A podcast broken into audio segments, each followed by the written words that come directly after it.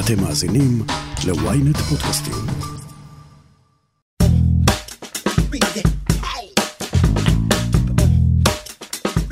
אהלן, שלום לכולם.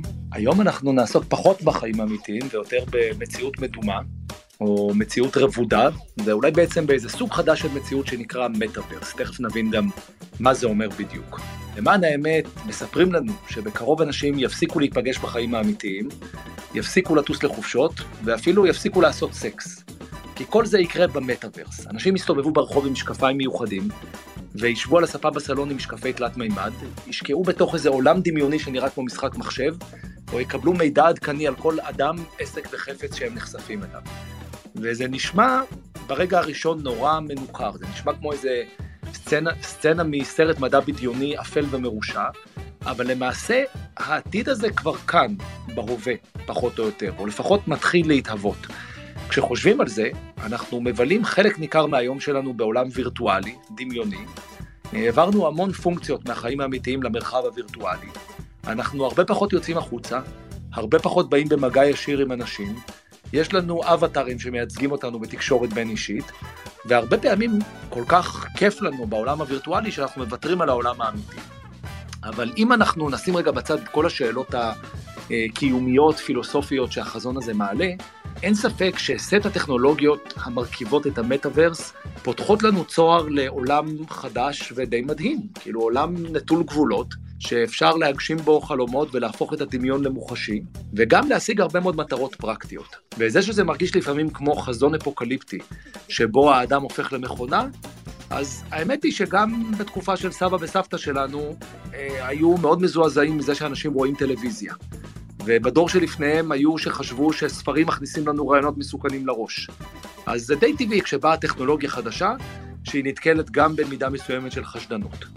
אז היום אנחנו התכנסנו כדי ללמוד מה זה בדיוק מטאוורס, מה עושים שם, איך זה יכול לשרת אותנו, וגם קצת ממה חשוב שניזהר. אנחנו שמחים לארח הערב כמה מחלוצי התעשייה בישראל, אנשים שמקדישים את חייהם לעולם הווירטואלי, ועוזרים לבנות עבורנו את העתיד הזה שדיברנו עליו.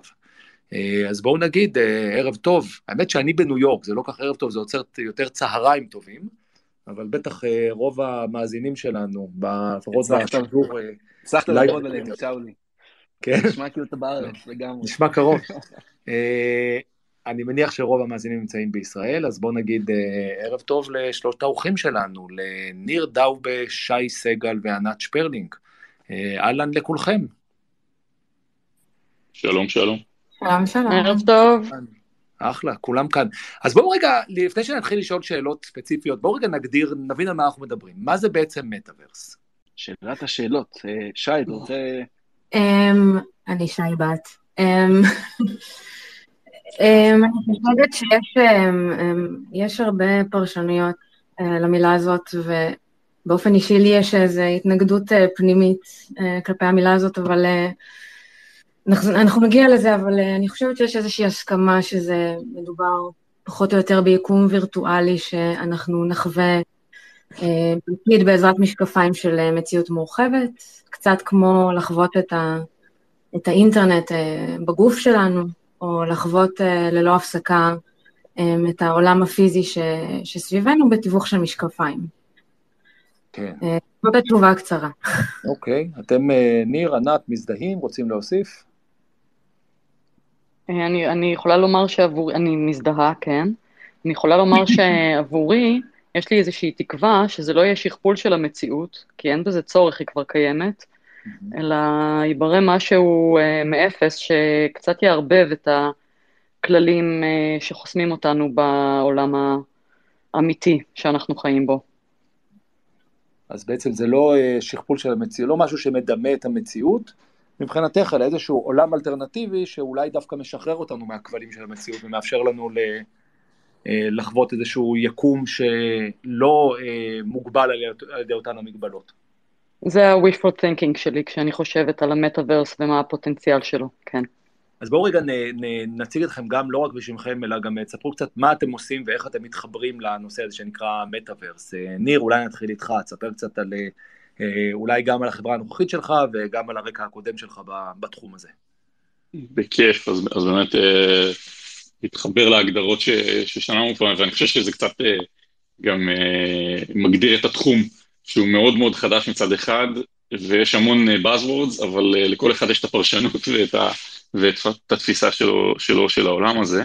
אני, בעוונותיי כבר בעולם הזה קצת יותר מעשר שנים, היה לי איזשהו סטארט-אפ לפני עשר שנים שהיה ממש ב... כש augmented reality היה ממש ממש בחיתולים על מובייל, שבשלב יותר מאוחר אה, הצטרפנו בעצם לחברה קטנה שאני מניח שכולם מכירים, שקוראים להם סנאפ, בזמנו קראו לה סנאפצ'אט, שבאמת מאוד אהבה את הפתרון שהיה לנו.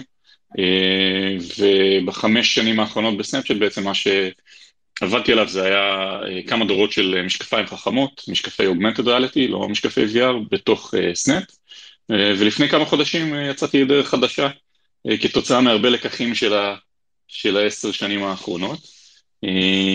האמת שקצת להתחבר למה שאמרו קודם, בשבילי ברמה האישית, המטאוורס, ואני אומר עוד פעם, יש המון אנשים עם המון פרשנויות והמון תפיסות, יאמר לזכותה של חברת מטא, שאני חושב שהיא אחת המובילות של לדחוף את המושג הזה, עוד פעם, לכיוונים שלהם, אבל בשבילי דווקא להתחבר לשאול של איך התחלת את השיחה, אה, יש במטאוורס הרבה פוטנציאל אה, הרסני, אבל גם המון פוטנציאל מאוד חיובי, okay. אה, ואני רואה את זה כמשהו שיותר, אני מקווה, ישפר את העולם ויחזיר אותנו באיזשהו מקום לעולם משודרג, אבל חזרה קצת למציאות. כן, אנחנו כיזמים תמיד מנסים לראות את הצד החיובי ואיך אפשר כן לעשות מזה משהו טוב ולא לא להיבהל מזה שיש לטכנולוגיה שימושים רעים. ענת, ספרי לנו קצת אה, על אה, עצמך ועל אה, החברה שלך.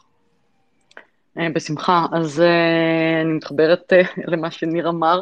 כשאנחנו התחלנו, אנחנו חברה של משחקי וידאו, mm-hmm. שממוקדת היום ברובלוקס, אבל כשהתחלנו ב-2016, אנחנו הלכנו ישר לתוך ה-UGC פלטפורם, ה-user generated content platforms, שהיום כבר הם חלק מהמטאוורס. Mm-hmm.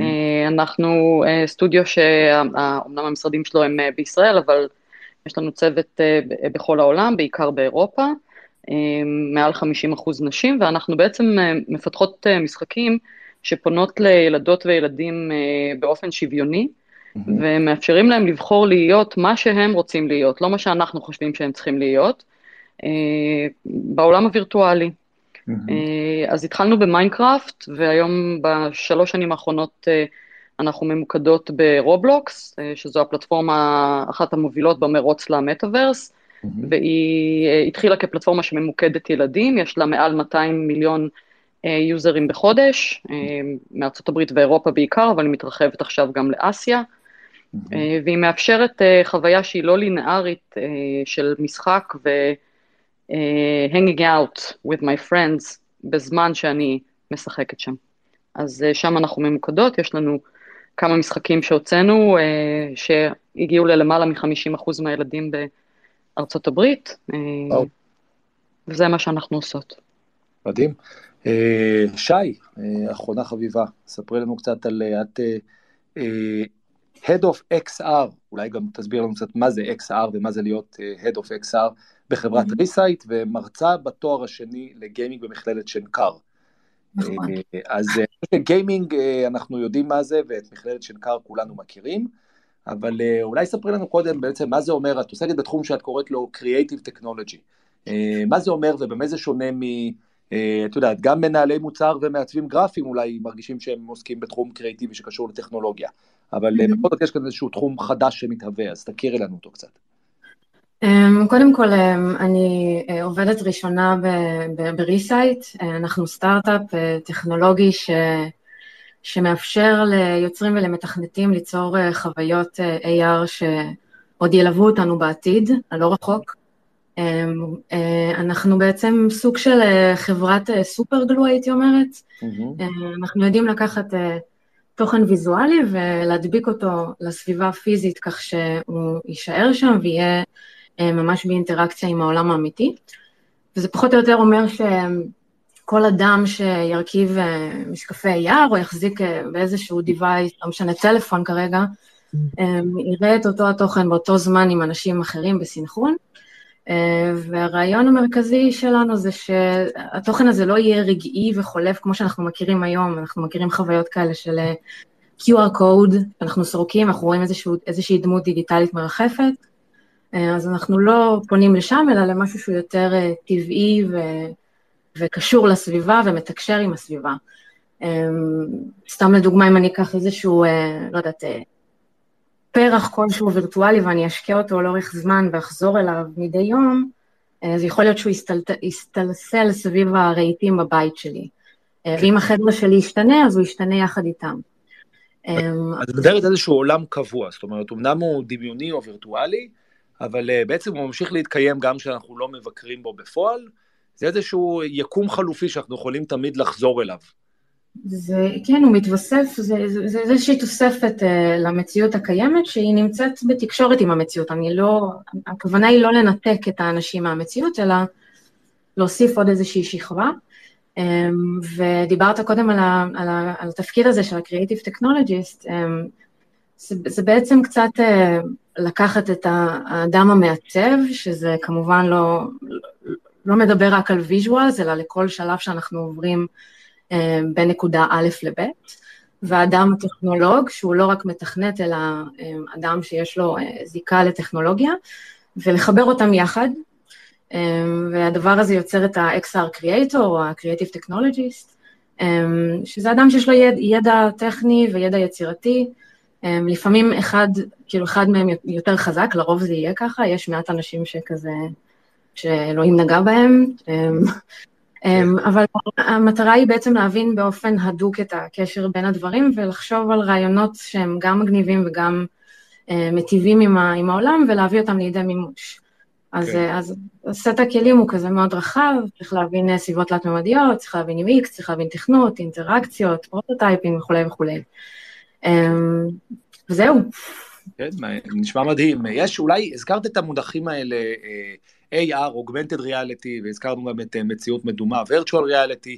אה, אתה יכול לעזור לנו קצת לעשות סדר במה מה בעצם ההבדל בין השניים? הם חלק, שניהם כאילו חלק מהדבר הזה שנקרא מטאוורס, אבל זה בעצם שני סוגים מאוד שונים של חוויות, נכון? לגמרי, כן, אני אנסה. תראו, אני חושב שדרך סופר פשטנית להסתכל על זה, זה אה, בדיוק אפרופו מה ששתיים אמרה, ההסתכלות על augmented reality, כשמה כן היא, it's to augment reality, מה זאת אומרת? זה להוסיף מעל המציאות שכבות. השכב, השכבה יכולה להיות בדיוק אותו צמח ששי דיברה עליו, אה, יכולה להיות אה, אה, חצים ברחוב שאומרים לכם לאן להגיע כשאתם הולכים ברגל ולא בא לכם להסתכל בטלפון, דרך, אם בא לכם להרכיב רהיט של איקאה, שבמקום שתסתכלו במניואל אה, ב-2D ירחפו לכם אה, ברגים וירטואליים באוויר ויגידו לכם פה אתם צריכים לחבר את זה. אז זה בגדול AR, זאת אומרת זה רוב ה-view של המשתמש זה המציאות עצמה, ועל גבי המציאות מוסיפים שכבות כאלה ואחרות של מידע, יכול להיות מידע טקסטואלי, יכול להיות uh, 3D, 2D, זאת אומרת המון המון שכבות מידע. זה בגדול לחבר את האינטרנט למציאות. VR לעומת זאת, זה עולם חלופי. זה עולם שהוא לחלוטין אתה אימרסט בתוכו, זאת אומרת אתה, הוא מנתק אותך מה, מה, מהעולם סביבך, מהמציאות, הוא מחליף את המציאות באיזשהו מקום, אה, וכמובן ככל שאימפלמנטציה של VR יותר טובה, ככה VR יותר ויותר מנתק אותך מהמציאות האמיתית ומחבר אותך לעולם החלופי. זה ברמת ה- כן. השימושיות נקרא לזה ההבדל. אז קודם כל תודה שעשית לנו קצת, היית קצת מורה נבוכים לתחום הזה, שנבין יותר ממה הוא מורכב ועל מה אנחנו מדברים. כשאתה נכנסת לתחום הזה של אה, Augmented Reality, של AR, הוא בעצם עדיין היה בחיתוליו, נכון? זאת אומרת, הוא עוד לא היה... לגמרי. מותר, אני לא יודע אם אפילו המושג הזה היה קיים, אה, אה, AR, או שהיית צריך להסביר מה אתה, בכלל לתאר את החזון שלך למרכיביו. מה, איך, איך הגעת לזה בעצם? זאת אומרת, זה, זה תחום שאתה מרגיש שאתה ואחרים חשבתם עליו במקביל והתחלתם לעסוק בו, ואז לאט לאט הוא התהווה והפך לאיזשהו מושג מוכר בתחום שיש אה, רקע מחקרי ופיתוחי מאחוריו? לא, אז עם, עם כל הכבוד אליי וגם לחבריי לסטארט-אפ הראשון, אני לא חושב שהמצאנו את המושג הזה, המושג הזה היה קיים לפנינו, אמנם, כמו שאמרת, הוא היה קיים בעיקר באקדמיה, ודרך אגב, גם בתוך האקדמיה, מבחינה, סתם קצת אה, היסטוריה מעניינת, הוא היה בעיקר ביפן, באוסטריה ובגרמניה, זה היו המרכזי ידע סביב, סביב נושא ה-Augmented Reality. כשאנחנו התחלנו, אבל הוא באמת היה ממש ממש בחיתולים שלו, רוב האנשים, רוב המכרים שלי, רוב האנשים, דרך אגב, הרבה מאוד מהמשקיעים שדיברנו איתם, ואני מדבר על שנת 2011-2012, לא באמת הכירו את זה. זאת אומרת, שמעו את זה, ידעו את זה, אבל לא באמת הכירו את זה לעומק. אה, זה גם היה לפני, נניח, אה, שסנאפצ'אט התחילה להשתמש ב-AR אה, בתוך האפליקציה שלהם, אז זה היה ממש ממש בחיתולים בקטע הזה. ואיך זה, איך אפשר לגייס כסף למשהו? תספר קצת על החוויה של היום אתה מגייס כסף לספר, לסטארט-אפ חדש בתחום הזה, אחרי שכבר התחום הזה הרבה יותר מוכר, ואחרי שיש לך גם את ההצלחה שמכרתם את סימג'ן לסנאפ, ועבדתם בסנאפ כמה שנים ככה בחוד החנית של התעשייה הזו. אה, איך זה מרגיש היום לספר למשקיעים על הפוטנציאל של התחום הזה, לעומת איך שזה הרגיש לפני עשר שנים, כשהתחום הזה היה כל כך צעיר? אז מן הסתם זה, זה, זה מאוד שונה. זאת אומרת, לפני אה, עשר שנים שאנחנו התחלנו, מהר מאוד הבנו שמצד אחד היופי ב-AR שהוא סופר ויזואלי.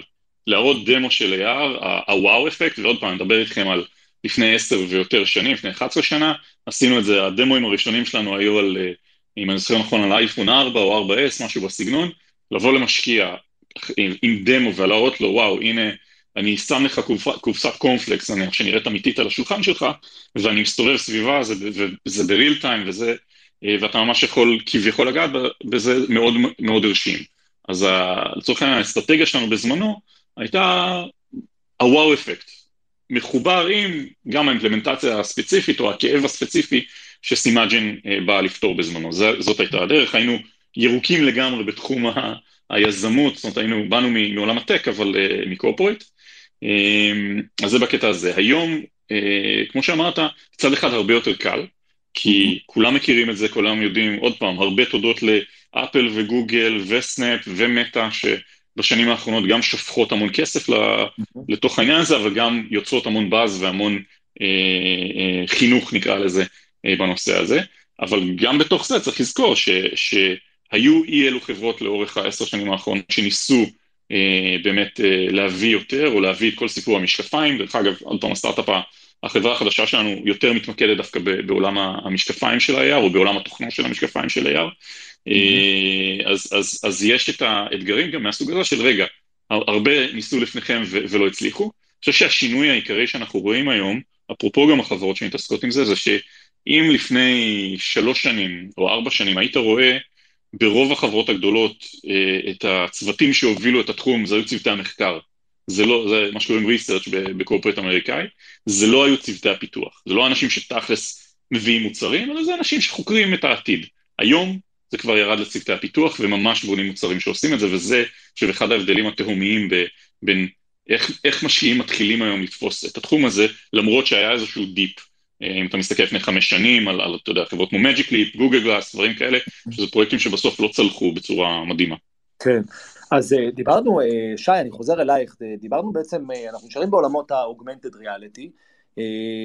אומר ניר שבהתחלה הייתה התלהבות מעצם קיומה של הטכנולוגיה, בעצם האפשרות לעשות הדמיה של חפצים ולהלביש אותם על הוויז'ואל של העולם האמיתי, אבל עכשיו שכבר סיימנו להתלהב מעצם ההיתכנות של זה, לאן אפשר לקחת את זה? אולי תשתפי קצת מה החזון או מה החלום שלך באופן אישי אה, לעולמות האלה. איך אפשר להשתמש בטכנולוגיה הזו בצורה שבאמת תעשה משהו שהוא בעל ערך? אמ, אוקיי, אז um, קודם כל אני באה מעולמות של יצירה, וכאילו בחזון שלי או השאיפה שלי זה שאנשים שבונים uh, AR שהוא location base, location base זה אומר ש...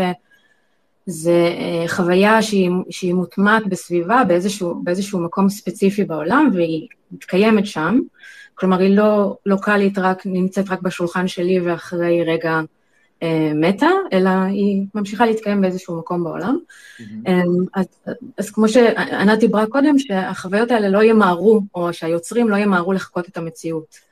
אה, אני חושבת שלאמנים ולאנשי XR יש אה, כוח אה, מטורף להראות את המדומיין, אה, להוסיף איזשהו אה, מימד פנטסטי לעולם שקצת כזה איבד מהפנטסטיות שלו.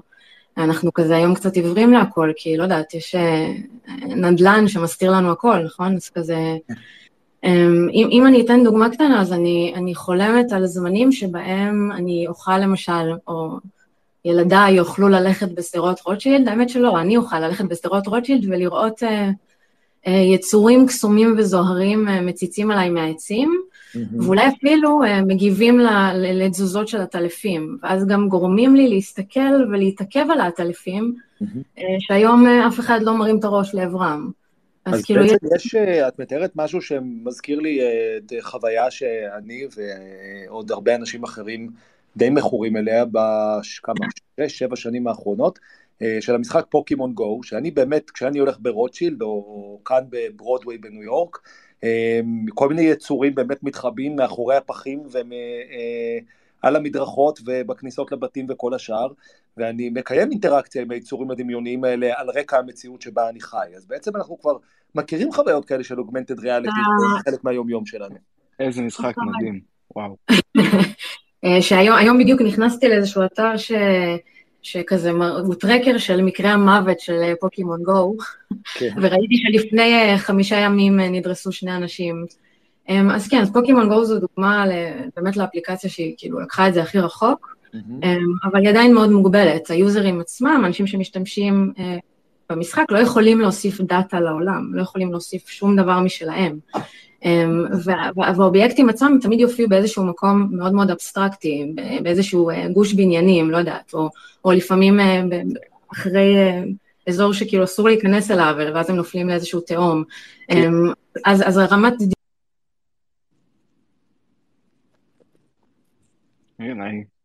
כן, נעלמה לנו קצת שי. נעלמה לנו. אמ, טוב, האמת שרציתי לשאול בינתיים, עד ששי חוזר, אני לא. אה, את ענת וניר. אה, הנה, שי חזרה? חזרתי. כן, כן, שומעים. עד איפה זה נעצר? אמ, אז אמרת, דיברנו על הסכנות שקיימות ועל העובדה שאמרת באיזשהו מקום במשחקים כמו פוקימון גו או באפליקציות כאלה, ההתייחסות היא קצת חד-ממדית, המשתמשים לא באמת מוסיפים מידע אה, לעולם, אלא רק אה, ככה צורכים את זה באיזושהי צורה שטחית. בעצם את אומרת אולי שהיישומים האלה אה, משתמשים בטכנולוגיה, אבל עוד לא מגשימים את החזון ארוך הטווח, או את הפוטנציאל ארוך הטווח של החזון הזה. נכון, אני יכולה לתת אינסוף דוגמאות, לא יודעת, לשים משקפיים ש, שינטרלו למשל פרסומות ברחוב, ללכת באזורים של בילבורדס כאלה ענקיים עם פרסומות, והמשקפיים בעצם אה, יחליפו את כל הפרסומות בשבילי בתמונות של אה, כלבלבים חמודים. Okay. אה, אוקיי. יש הרבה דברים שאפשר לעשות עם זה, בעולם של הנגישות, שזה עולם שלם בפני עצמו, תחשבו איזה כוח יש למשקפיים שמקבלים אינפורמציה על הסביבה כל הזמן, בזמן אמת, יודעים לנתח אותה, תחשבו כמה זה חזק לאנשים שיש להם קושי בראייה. יש לזה המון המון דברים, שזה, המון דברים שאפשר לעשות עם זה. האפשרויות הן אינסופיות. אז דווקא בנושא הזה, אולי לכל היזמים פה, יש לי שאלה לניר וענת. אמ, היום אם יזם רוצה לבנות איזושהי חוויה חדשה ורוצה לפתוח חברה אה, כדי לעשות את זה, מה התיאבון של המשקיעים? ואני אמקד את זה, כשבאים לדבר על הגודל שוק, מה, מה ההזדמנות פה מבחינת uh, קרנות, מה אתם אומרים? מה הגודל שוק באמת?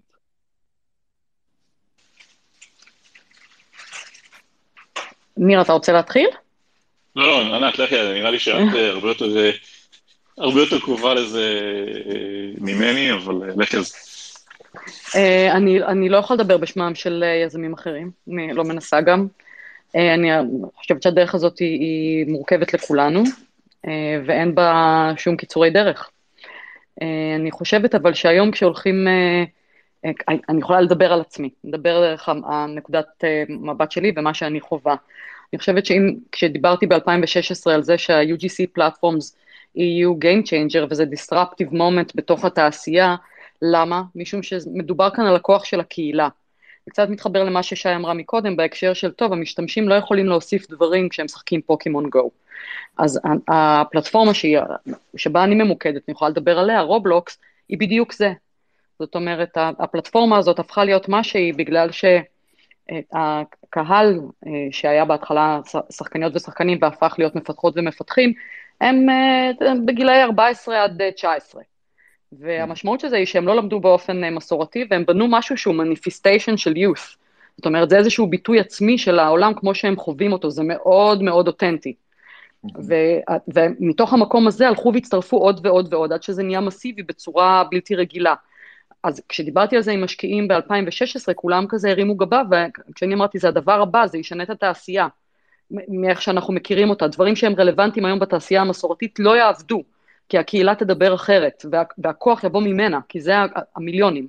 אז היום כשמסתכלים על רובלוקס למשל, וחושבים עליו בתור הם, הם, הם מועמד אה, די מוביל במטאוורס, אז כשהולכים ומדברים עם משקיעים, אז אני חושבת שזה היום מאוד מובן בהקשר של מה אני עושה, לאן אני רוצה להגיע, כמה אה, יוזריות ויוזרים אני צופה שיהיו, מה גודל השוק, הוא, הוא רק הולך וגדל, והוא הולך וגדל משום שעוד ועוד פלטפורמות מצטרפות, גם אפיק נכנסו עכשיו, פורטנייט הולכת להיות כזאת, היא כבר בתוך שלבים של בטא, יש את ניאנטיק, יש הרבה הרבה מאוד פלטפורמות mm-hmm. אה, שמחקות את הפעולה, ואני לא אגיד שזה יותר קל, אבל אני אגיד שזה הרבה יותר נגיש. זאת אומרת, אה, הפעולה היא יותר, אה, בעיניי, היא יותר אפשרית ממה שהיא הייתה לפני כן.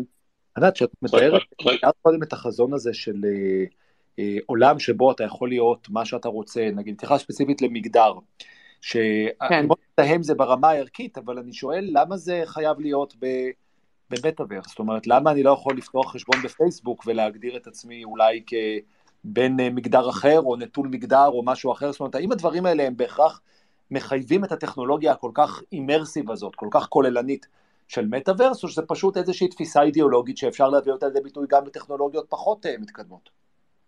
אתה יכול להגדיר את עצמך כמובן איך שאתה רוצה, באיזה פלטפורמה שאתה רוצה היום, ואף אחד לא יעצור אותך, זה, זה, זה עובדה. Mm-hmm.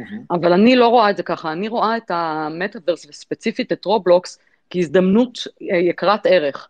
ב, ב, אה, כשאנחנו מדברים על שוויון בין המינים וסגירה של הפער בין, אה, אה, בין המינים, אז האפשרות שלי אה, גם לעבוד ממקומות מרוחקים בעולם, לעשות מה שאני רוצה, איך שאני רוצה, ולהשתכר למחייתי באופנים שלא יכולתי להשתכר קודם, וגם לייצר את העולמות שלי, זה לא רק לבחור איך אני נראית, זה גם כן. לייצר את העולמות שלי כמו שאני רוצה, בלי שאני צריכה להביא השקעה. אני יכולה עכשיו לקום, יש לי את הכלים מרובלוקס, ואני יכולה לבנות uh, חוויה שבה יבואו, יכולים לבוא מעל מיליארד ילדים תוך חצי שנה. אני לא צריכה להיות backed by venture, אני לא צריכה כסף מהבית, אני צריכה שיהיה לי מחשב ווי-פיי. יש לי את כל הכלים ברובלוקס, אני יכולה ללכת לייצר את המציאות, להזמין את החברים שלי, ואם הפרפורמנס יהיה טוב, האלגוריתם יקדם אותי ואני אקבל חשיפה אדירה. אז אתה מוצא שם בעצם, אה, אה, אני לא יודעת איך לקרוא לזה, חוץ מאשר, אה, זה לא משהו שאנחנו מכירים אותו כמבוגרים, אני מצטערת, אבל אנחנו לא. כי מה שהילדים עשו, הנוער האלה, הם פשוט פרמו את כל הדברים שאנחנו נורא התאמצנו לבנות אותם כאן, וברובם כשלו, לטעמי, ושמו לנו, יצאו לנו חסמים שהרבה מהאנשים לא יכולים לעבור אותם. ושם אני יכולה פשוט ללכת ולהיות מה שאני רוצה ולדבר עם מי שאני רוצה באופן שהוא, אחד, בטוח, לא מאיימים עליי, יש monitoring מאוד משמעותי בתוך הצ'אט, אבל אני יכולה לבטא את עצמי, ואני יכולה לדבר עם, אה, ולשמוע גם באופן מאוד משוחרר, אה, אה, בני אדם אחרים שאין לי שום יכולת לפגוש אותם בחיים האמיתיים, ויכולים, ויכולים להשפיע באופן שהוא דרמטי על החיים שלי. אז מכאן החשיבות הרבה שאני רואה כן. לפעולה הזו. ואת אומרת גם, את מדברת על זה של ההבדל בין אה, מבוגרים לילדים, אה, מעניין אותי איך את אה, מתחברת או מזדהה או יכולה להבין ולייצר חוויה, אם את אומרת שאת בעצם לא קל היעד שזה פונה אליו, או איך בכלל כשהתחלת את החברה והתחלת להיכנס לעולמות האלה, מאיזה זווית התחברת לזה אם זה לא משהו שאת חווה בעצמך כמשתמשת? בתחילה בכלל לא חוויתי את זה כמשתמשת, היום אני משחקת רובלוקס לא מעט ורוב הזמן.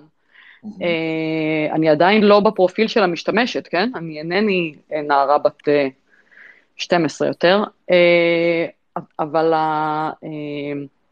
אני לא עובדת לפי מה שאני חושבת ש... שהם רוצים, אני הולכת ושואלת אותם. יש לנו, אנחנו, לא, אנחנו עובדים עם הקהילה, יש לנו קהילה של עשרות אלפים של ילדות וילדים, מתבגרות ומתבגרים בדיסקורד, אין דבר שאנחנו עושות בלעדיהם. מ-game mechanic ועד קרקטר ועד uh, הוצאה של פיצ'ר חדש, זה מגיע אליהם, יש לנו עשרות של פלייטסטים, עשרות בשנה, ואז הם נכנסים ומשחקים איתנו, מקבלות את הפידבק, זה נכנס לתוך תהליך הפיתוח, כי רובלוקס זה לא triple A. אתה בזמן אמת יכול לשנות את המשחק כמו שאתה רוצה, ולעשות לו מיד עדכון, אז זה יכול לקחת לך כמה ימים אחרי שהקשבת לקהילה, ואז אתה מעדכן את זה ואתה מוציא, ואתה נכנס לשחק, ואתה רואה מה הם כותבים בצ'אט, ואתה שומע מה הם אומרים לך בדיסקורד. ואתה יודע אם הקשבת להם. או אם אמרת להם, וזה ההבדל. ואני חושבת שלנו, כשאנחנו רק הצטרפנו, הייתה לנו עקומת למידה ארוכה, כי באנו עם היוהרה הזאת, שאתה יודע, אנשים שחושבים שהם אה, יודעים, יודעי קול, כי יש להם ניסיון, באים. ואמרנו, טוב, אנחנו נביא א', ב', ג', ד', ונפלנו על הפרצוף. ואז ברגע mm. שהתחלנו לעבוד עם הקהילה ולשאול אותם, לא אמרנו להם מה הם צריכים, שמענו מה הם רוצים.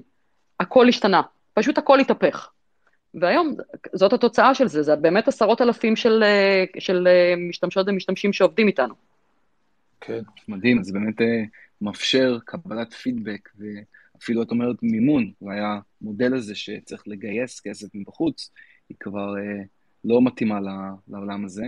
זה לא הכרחי, כן. מדהים, מדהים, ובאמת אני חושב שהרבה אנשים, וגם אני, אני בעצמי, לא, עוד לא נפל לי האסימון הזה. ואני מניח שזה יקרה בקרוב. ניר, אמ, רציתי גם לחזור אליך, איך אתה מתאר את ההזדמנות? שאתה... מה הגודל פה? מה... איך אתה נותן לאנשים להתרגש?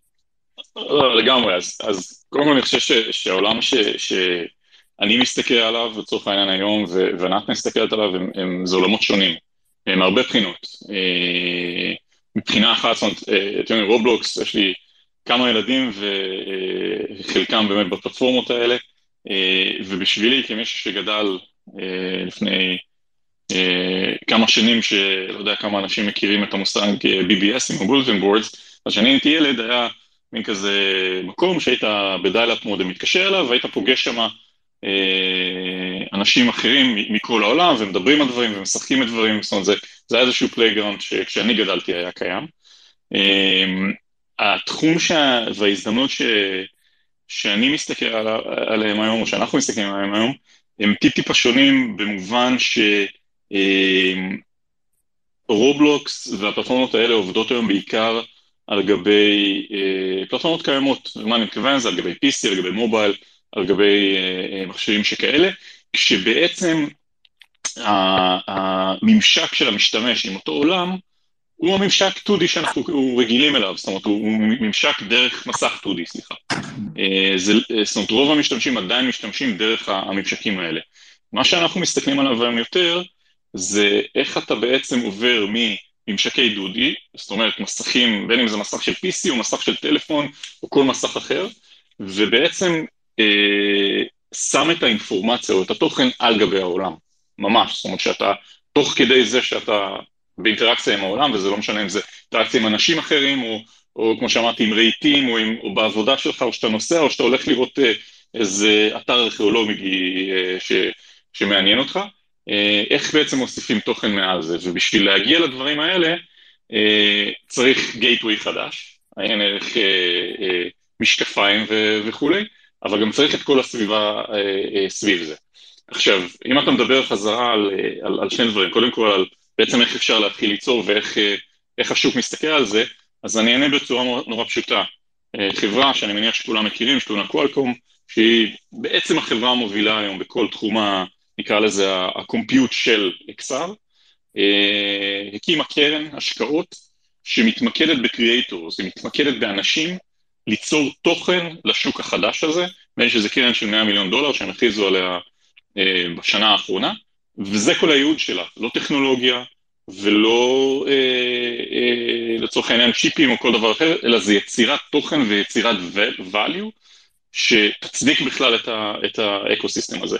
עכשיו, אני מבחינתי כבר המון שנים, כבר יותר מעשר שנים, באמת רואה בזה את, ה, את האבולוציה הטבעית הבאה. זה, אותי זה מסתכל, אני אתן את הדוגמה הכי פשוטה, אותי זה מתסכל, שנניח אני הולך ברחוב בטוקיו, וכל השלטים מסביבים ביפנית, ואין איזה משהו שיכול להקרין לי את אותו של על השלט, פשוט ב, ב, נניח בעברית או באנגלית, במשהו שאני יודע לקרוא. כאילו המידע שמה. זה בסך הכל להנגיש אותו בצורה שהיא טבעית לנו, שהשלט יחליף את השפה בצורה אוטומטית, ואני לא צריך עכשיו ללמוד יפנית. וזה כל מיני דברים כאלה שמבחינתי באמת יכולים לשטח את העולם ברמת ידע, לשטח בצורה חיובית, לא שלילית. ולגרום להרבה יותר אינטראקציה ולהרבה יותר הזדמנויות. אני חושב שכמו שענת אמרה בעולמות שלה. אה, ואתם יודעים, מבחינת מודלים עסקיים יש המון המון מהפכות גם בתחום הזה, אבל, אבל בגדול זה. זה איך שאני רואה את הדברים. אז יש, דיברנו הרבה על ה... הזכרת עכשיו ניר והזכיר קודם ענת וגם שי את ההזדמנויות שיש ב... בתחום הזה שבעצם מאפשרים לברוא איזשהו עולם חדש שהוא נגיש יותר והוא ברור יותר ויש בו, אפשר לחפות על חלק מהמגרעות או המגבלות של העולם האמיתי. בואו נחזור רגע לדבר על הסכנות. שי הזכיר קודם את הסכנה הפיזית, שאנשים נופלים לתוך בורות או מוצאים את מותם חלילה במהלך רדיפה אחרי פוקימונים. מעבר לנושא הפיזי, איזה עוד הסתייגויות יש מהטכנולוגיה הזאת ומאיך אולי היא יכולה דווקא לשמש לדברים שהם פחות טובים, או איזה השלכות פחות חיוביות יכולות להיות לה? לא כולם ביחד, בואו... בכיף, אני יכול להתחיל, יש לי כמה טינג'רים בבית, כן. וגם יצא לי לגור גם בישראל וגם בארצות הברית איתם. ואני יכול להגיד שאחד הדברים שאותי מפריע, והילדים שלי, מה לעשות, כילדים של הורה שמתעסק ב-VR ו-AR, אז אתם מניח שאתם יכולים לנחש איזה מכשירים יש בבית ומה הם ניסו ומה הם ראו. כן. אני, אותי, מה שמפחיד בעיקר, דרך אגב, פוסט-קורונה וכל הדברים האלה, זה שהדברים האלה יכולים להביא לעוד יותר ניתוק ועוד יותר uh, uh, barriers בין אנשים. אחד הדברים שתמיד uh, הסתכלנו עליהם, כי, ואנחנו עדיין מסתכלים עליהם, זה איזשהו, uh, נקרא לזה, mindset כזה של שני, שתי מילים, look up. והרעיון הוא באמת שאיך אנחנו יכולים לגרום לאנשים להרים את הראש מהטלפונים. כי אני רואה את הילדים שלי היום, הם לא מתקשרים, אפילו שאתה יודע, הרבה פעמים באים עם חברים, וזה כל אחד בעולם שלו, בטלפון שלו, והסכנה מבחינתי בעולמות האלה, שזה עוד יותר יגביר את הדברים האלה. אני מקווה ש... אה, שנוכל ליצור את זה בצורה כזאת שזה יעשה בדיוק הפוך, שדווקא זה יחזיר אנשים למציאות ויחזיר אנשים לאינטראקציה יותר בריאה נקרא לזה. אני חושב שכולנו הכרנו את המושג מטאוורס ברגע שפייסבוק אה, הציגה אותו לעולם כאיזשהו חזון עתידי לפעילות של החברה, ואפילו שינתה את שמה כדי לומר שהם מתכוונים לזה וזה באמת המרכז של הפעילות שלהם והכל, ואני באמת ככה שאלתי את עצמי, מה היה הדיון שהוביל לשם? האם ישבו במשרדי חברת פייסבוק וחשבו איך אפשר uh, לגרום לאנשים לבלות עוד יותר שעות בטלפון שלהם, איך אפשר לגרום להם להיות, לשקוע עוד יותר בתוך העולם ולאבד עוד יותר קשר, עוד יותר בעולם הווירטואלי ולאבד את הקשר לעולם המציאותי, ומשם הגיע החזון הזה. Uh, ובאמת מעניין אותי מה אתם רואים, uh, ענת, uh, שי, כשאנשים משתמשים בפלטפורמות שלכם, אתם רואים סוג אחר של התנהגות, אתם רואים אותם באיזשהו mindset שונה משהם נמצאים בעולם האמיתי, או במקומות אחרים באינטרנט? אני לא יודעת אה, לדבר ב... איך הם מרגישים, אני לא מכירה אותם, הם וירטואליים.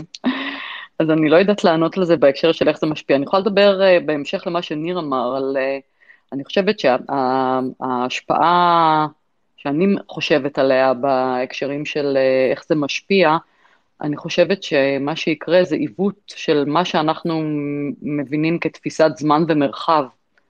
אני חושבת שמה שלנו ברור כזמן ומרחב היום, התפיסה הזאת תשתנה אצל הילדים שלנו. האופן שבו הם יבינו ויפעלו בתוך זה שונה בתכלית מאיך שאנחנו מבינים זמן ומרחב. והדבר הזה, היום יש שיבושים כי אנחנו שונים מהם כבר, זה מייצר דיסאוריינטציה. אמ, ואני מתעלמת עכשיו מעניינים של safety, bullying, כל הדבר הזה שהוא בעיניי מובן מאליו, שהוא סכנה וצריך לטפל בזה, אבל אני, אני לגמרי חושבת ש... בהמשך למה שניר אמרת, הם נפגשים עם החברים שלהם, הם יושבים עדיין על המסכים, גם כשהם משוחחים עם אותם, גם כשחברים יושבים איתם בחדר, הם בתוך המסך, הם לא יושבים ומדברים אחד עם השני. המקום שאליו הם שאובים איננו כאן ועכשיו, הוא שם, הוא אחר. והחזרה, ההליכה, כאילו בין לבין, יש בה משהו מאוד מתעתע. היא מתעתעת עוד יותר כשאתה עם VR, דרך אגב. אז אה, אין לי, אין לי ספק שיש לזה השפעה גם על המוח שלנו, ויהיו לזה השלכות. אבל האם הרע עולה על הטוב? אני לא חושבת. אפשר להמשיך להפחית כאן? בבקשה. אמ, אני חושבת שאחד האיומים הגדולים באמת, וכאילו מאוד מדוברים, זה כל העניין של פרייבסי ומה המשמעות של להזמין אה, חברה גדולה לתוך הבית שלנו, אה, שתהיה לה את האופציה למפות ולראות כל דבר ודבר בבית שלנו, שתהיה להם סריקה, סריקה מלאה של הבית שלנו, אמ, אבל זה נושא מאוד מאוד מדובר, אמ, אבל אני, תמיד, מה שמלווה אותי כל הזמן, ואני באמת חושבת על זה מדי יום, ו...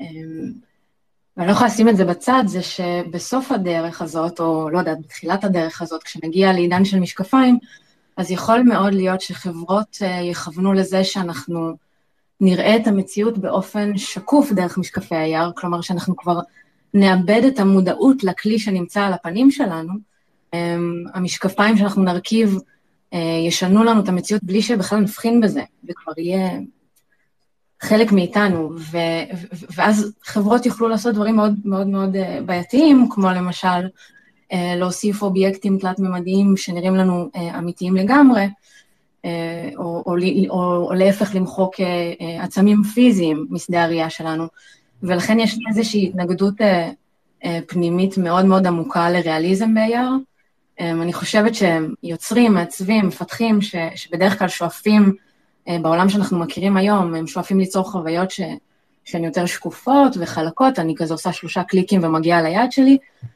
אז, אז פה זה קצת סיפור אחר, כי אנחנו דווקא צריכים אה, להדגיש את הווירטואלי, אמ, ולהיות ערים לזה ש... לדבר הזה כדי לא לאפשר לבעלי כוח אה, להציג בפנינו מציאות שהיא נוחה להם בלי שבכלל נשים לב לזה. כן. עכשיו, רק, רק, דבר, רק דבר קטן אחד להוסיף ברמת החשיבה. תראו, אנחנו משחר האנושות עושים אוגמנטציה למציאות. התחלנו בבניית כלים כאלה ואחרים, והיום אנחנו, אתם יודעים, ואחרי זה בתים, בנינו לעצמנו, או אה, נכנסנו למערות, ואחרי זה בנינו לעצמנו בתים וכולי וכולי. זאת אומרת, אנחנו כל הזמן, על הקנבס הבסיסי, אנחנו מוסיפים דברים. אה, בדיפולט, ולדברים האלה יש גם אה, השלכה שלילית, זאת אומרת, יכולים אה, לבוא אנשים ולהגיד, זה שאנחנו בונים היום בנייני קומות, מסתיר את הטבע ומסתיר, ומשנה את משטר הרוחות וכולי וכולי וכולי.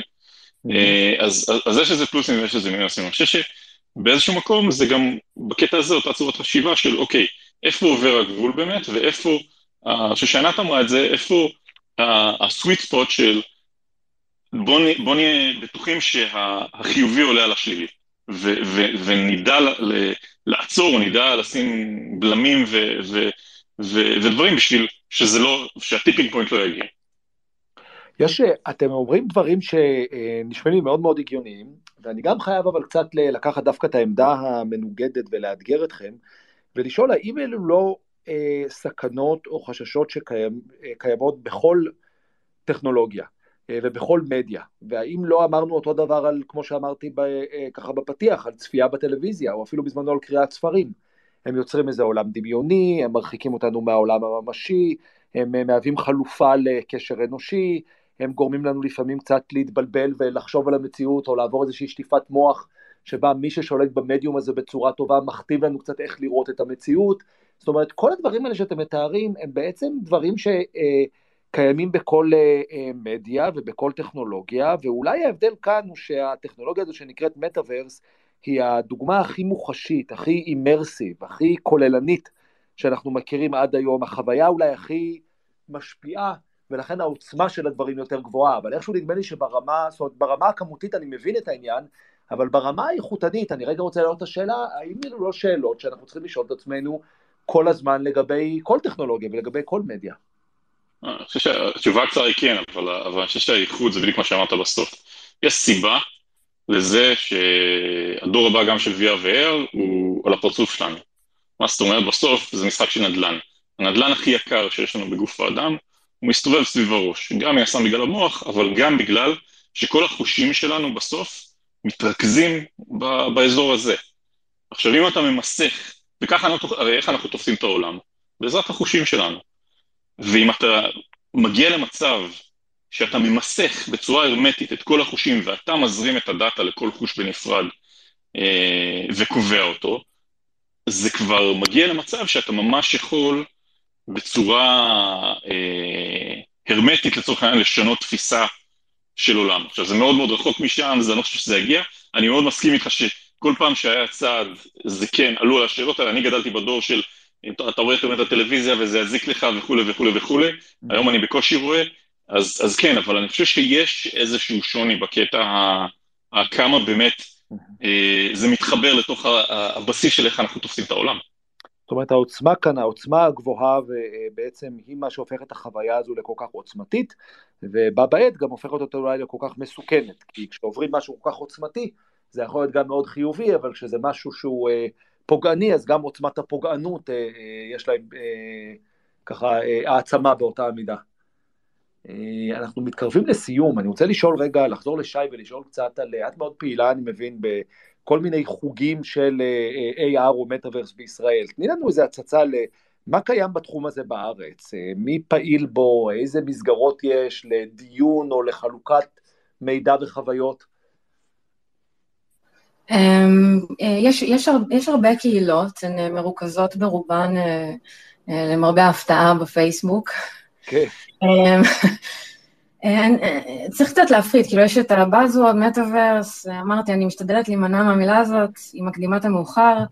אמ, היום כבר כל דבר זה מטאוורס, NFT זה מטאוורס, פילטרים זה מטאוורס. אה, אבל בתכלס, כאילו, אנשים שהם בקור של, ה, של התחום הזה, בריסרצ', בטכנולוגיות, בקשיים העיצוביים שהם אינסופיים, הם, אלה שבאמת מודעים למה קיים ומה לא, ובעובדה, כמו שניר אמר, שאנחנו עוד לא נמצאים במקום הזה המפחיד, עוד לא, עוד לא הגענו לנקודת האל-חזור.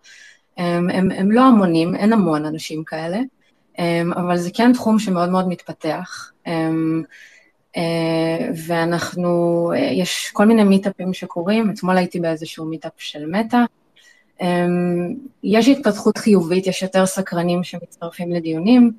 אמ, יש קהילות אונליין, אני קצת חופרת בטוויטר, יש מיטאפים שריסייט עשתה לאורך השנים, שעוד יחזרו בעתיד. אמ, זה לא קטן, אבל זה גם לא עצום, ויש באמת עוד המון המון סימני שאלה אה, גדולים בתחום, ולכן יש מקום לעוד הרבה אנשים, ובעיקר נשים. אז הזכרת את ה... נכון, והנה אני שמח שכאן אה, מבין האורחים שלנו, אה, שני שליש מהם הן נשים. אז זה גם חשוב וראוי לציון. זה משהו שהשתנה, הייתה, הייתה, אני, כשהגעתי למיטאפים לפני שנתיים אפילו, אה, הייתי אה, כמעט לבד שם, כן. בין גברים, והיום, אתמול הייתי במיטאפ שאני חושבת שהיחס היה 40-60, זה היה מאוד נחמד. יפה.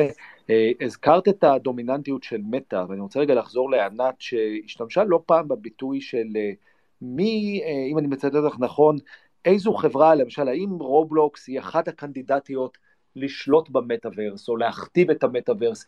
קצת נשמע כאילו יש כאן איזושהי זירה שבה, אה, כמו האינטרנט, וכמו אה, אה, הענן, וכמו הרבה טכנולוגיות אחרות, זה מתחיל מאיזושהי זירה פתוחה שבה כולם יכולים לשחק, אבל מהר מאוד נוצרים gatekeepers, מהר מאוד נוצר איזשהו גוף חזק שמכתיב את הטון וקצת מכתיב את כללי המשחק, ועושה את זה לא תמיד על פי האינטרסים של המשתמשים, אלא הרבה פעמים לפי האינטרסים המסחריים שלו. את מרגישה שזה המצב גם במטאוורס, או עלול להיות המצב גם במטאוורס? כרגע זה לא המצב. אה, אני חושבת שבגלל האופן שבו רובלוקס, בפרט דייב בזוקי, אה, בנה את ה... ועדיין ממשיך להוביל את הכלים שהוא אה, נותן ל creators, אז האפשרות היא פתוחה בפני כולם. אז יש לא מעט סטודיואים, שחלק מהם שהם professionals, חלק של חבר'ה מאוד צעירים, ששולטים, שיש להם אה, אחיזה, ואנחנו מדברים על כמה עשרות. עוד אין את האחד שהוא הפך להיות ה-EA הבא, או ה-Ubisoft הבא, או ה-King, או, לא, או Supercell. זה יקרה, בטוח שזה יקרה, אין לזה ספק. אבל, אבל זה לא מתוך uh, זה שרובלוקס מנווטת את זה באופן הזה, אלא זה נובע מתוך הקהילה. זאת אומרת, החוויה שאני אה, יצרתי, ככל שהיא פונה ליותר אנשים, האלגוריתם ירים אותי. אני לא יכולה, כמו במובייל נגיד, להשתמש בעשרות מיליונים של דולרים בשביל לעשות user acquisition. אין לי אפשרות כזאת, אני לא יכולה לקנות את הדרך שלי למעלה. זה הולך רק דרך האנדורסמנט של הקהילה. ולכן יש משהו שהוא מאוד uh, דמוקרטי בפלטפורמה הזו, ו- ו- ולכן היא, לפחות כרגע, נהדרת. ואנחנו מביעים מכאן משאלה שאולי בניגוד לפלטפורמות אחרות היא גם תישאר כזו. אז בואו נסכם, אה, דיברנו על מטאוורס, אה, וקודם כל שאלנו מה זה מטאוורס, הגדרנו את זה כיקום וירטואלי הנחווה באמצעות מכשיר ייעודי, אה, דיברנו על זה שיש כאן איזושהי בריאה של עולם חדש שלאו דווקא מדמה את המציאות, אלא אולי מייצר אלטרנטיבה שלא מוגבלת באותן מגבלות שיש לעולם האמיתי, או אולי שזה ה-wishful thinking שלנו, לאן אנחנו מקווים שהעולם הזה יתפתח וילך. דיברנו על זה שמטאוורס מכיל גם מציאות רבודה וגם מציאות מדומה, שתי טכנולוגיות שונות וחוויות שונות לגמרי. הזכיר ניר שלפני עשר שנים היה איזשהו וואו אפקט מעצם קיומה של הטכנולוגיה, והיום משקיעים שנכנסים לתחום כבר לא כל כך מתפעלים מעצם העובדה שאפשרי לייצר מציאות רבודה, אלא שואלים על היישום, על לאן זה הולך ואיך אפשר לעשות מזה משהו שמביא ערך, וכמובן שגם אה, אה, מייצר הכנסה. אה, הזכירה שי שלאומנים יש כוח מטורף להוסיף מימד פנטסטי לעולם, יש כאן איזושהי הזדמנות. אה, באפליקציות שקיימות כיום, כמו פוקימון גו, מנצלות את, הטכנולוגיה בצורה חד-ממדית, זאת אומרת, הן מלבישות אלמנטים על העולם האמיתי, אבל עדיין לא בהכרח מוסיפות מידע מהמשתמשים, החוויה היא עדיין פסיבית אה, ולא חוויה שבה המשתמשים עוזרים לייצר את העולם הווירטואלי, מה שאולי קיים יותר במציאות מדומה ובפלטפורמות כמו רובלוקס, ששם אה, שוחה בהצלחה ענת, שאמרה לנו שהמטאוורס מאפשר לחוות מציאות אלטרנטיבית, למשל להגדיר לעצמך את המגדר ולקבל את החוויה בצורה מלאה, לא רק להגדיר את עצמך בצורה מסוימת, אלא באיזשהו מקום לעבור חוויה של להרגיש איך זה להיות הדבר שאתה רוצה להיות ואתה בוחר להיות, אה, כאמור במנותק ממגבלות העולם האמיתי. אה, דיברנו על החששות או הסכנות שהעולמות הווירטואליים עלולים לייצר איזשהו ניתוק מהעולם המציאותי, במיוחד אצל ילדים, עלול להיווצר עיוות בתפיסת אה, הזמן והמרחב, יש חשש לפגיעה בפרטיות.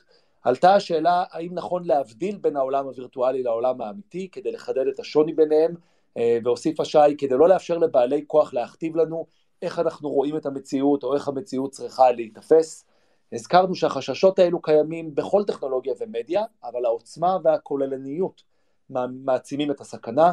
המטאוורס, אה, אמר ניר, משתלט על החושים שלנו וממסך את הראייה הבלתי אמצעית שלנו את המציאות, אה, ומכאן כוחו.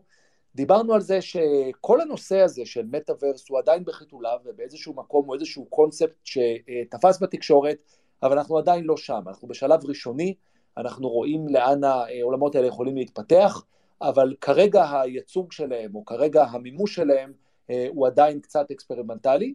וסיימנו בלציין שיש גם קסם בשלב שבו אנחנו נמצאים, שהוא עדיין עולם די פתוח, שאין בו gatekeepers, אין בו שומרי סף שמשתלטים עליו ובאיזשהו מקום מכתיבים את התנאים לקיומו אה, בהתאם לאינטרסים העסקיים והמסחריים שלהם, הוא עדיין איזושהי זירה דמוקרטית, ובאנו משאלה שבמידת האפשר היא תישאר כזו, ונראה איך אה, גורמים שונים אה, אה, פועלים בתוך העולם הזה, מוסיפים את היצירתיות שלהם, ולאו דווקא הופך לנחלתו של איזשהו גורם מסחרי אחד. היה מרתק, חברים, תודה שנתתם לנו הצצה לתוך העולם העתידני והמרתק, וגם קצת מפחיד, אבל בעיקר מאוד מסעיר ומעורר השראה הזה. ואנחנו, אני לפחות אדבר בשם עצמי, מקנא בכם שאתם מהחלוצים והמובילים של הדבר הזה, שקשישים כמוני מנסים להבין אותו ועדיין מרגישים שהם מסתכלים עליו קצת מבחוץ. אה, תודה לך, תומר דין. תודה לך, שאולי. אבל אה, עכשיו אנחנו נסיים ונגיד תודה גם ל-ynet שמשדרים את השידורים שלנו במסגרת ynet רדיו, ואנחנו גם... הפרק ששמעתם עכשיו יהיה זמין אה, החל מעוד כמה שעות בפלטפורמות הפודקאסט החביבות עליכם כמו Spotify ו Apple Podcast ו SoundCloud וכל השאר. פרק 15 של אה, פידטק אה, מגיע לסיומו ואנחנו נתראה בשבוע הבא עם נושאים חדשים ואורחים חדשים. תודה גם לכם, ענת, שי וניר שהצטרפתם אלינו והחכמתם אותנו, תודה למאזינים. ואני רץ עכשיו אה, לסיים את הסשן הווירטואלי הזה ולחזור לעולם האמיתי, הפיזי של ניו יורק, שבו יש מטוסים שעומדים להמריא לישראל בשעה מאוד מסוימת וצריכים להגיע אליהם בזמן. אז אה, אמן, תודה. אמן, אמן, שיגיע בזמן. אמן. תודה רבה.